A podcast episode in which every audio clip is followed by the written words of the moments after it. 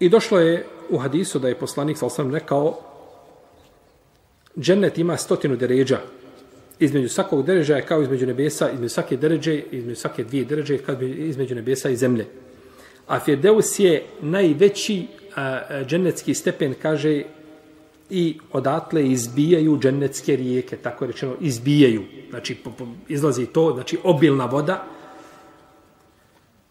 a iznad toga je Allahov prijesto, pa kaže, pa kada Allaha budete tražiti, tražite Firdeus, tražite najveće deređe. Traži najveće deređe. Nemoj tražiti nikada kad oviš samo džennet, samo da mi ući u džennet, da se spasim džennema, ništa više od toga. Kakav god čovjek vješnik da bio, ne smeta da traži od Allaha Firdeus. Samo da je u krugu islama. I nije daleko uzvišen Allah da čovjeka počesti zbog iskrenosti njegovoj dobi, da mu oprosti grijehe i da ga uvede šta? Isključeno? Nije isključeno. Nije isključeno. Dok je čovjek musliman, kakav god da je grešnik, može od Allaha tražiti Firdeus i da mu Allah na sudnjem danu sve to oprosti da ga uvede znači u džennete, ovaj, bez polaganja računa, jer ehlu sunnetu al džemaat je jedinstven u mišljenju da veliki griješnik na sudnjem danu je pod Allahovom voljom. Ako želi uprostit ćemo, ako želi šta? Kaznit će ga.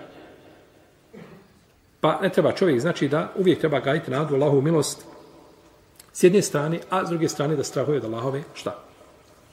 Kazne.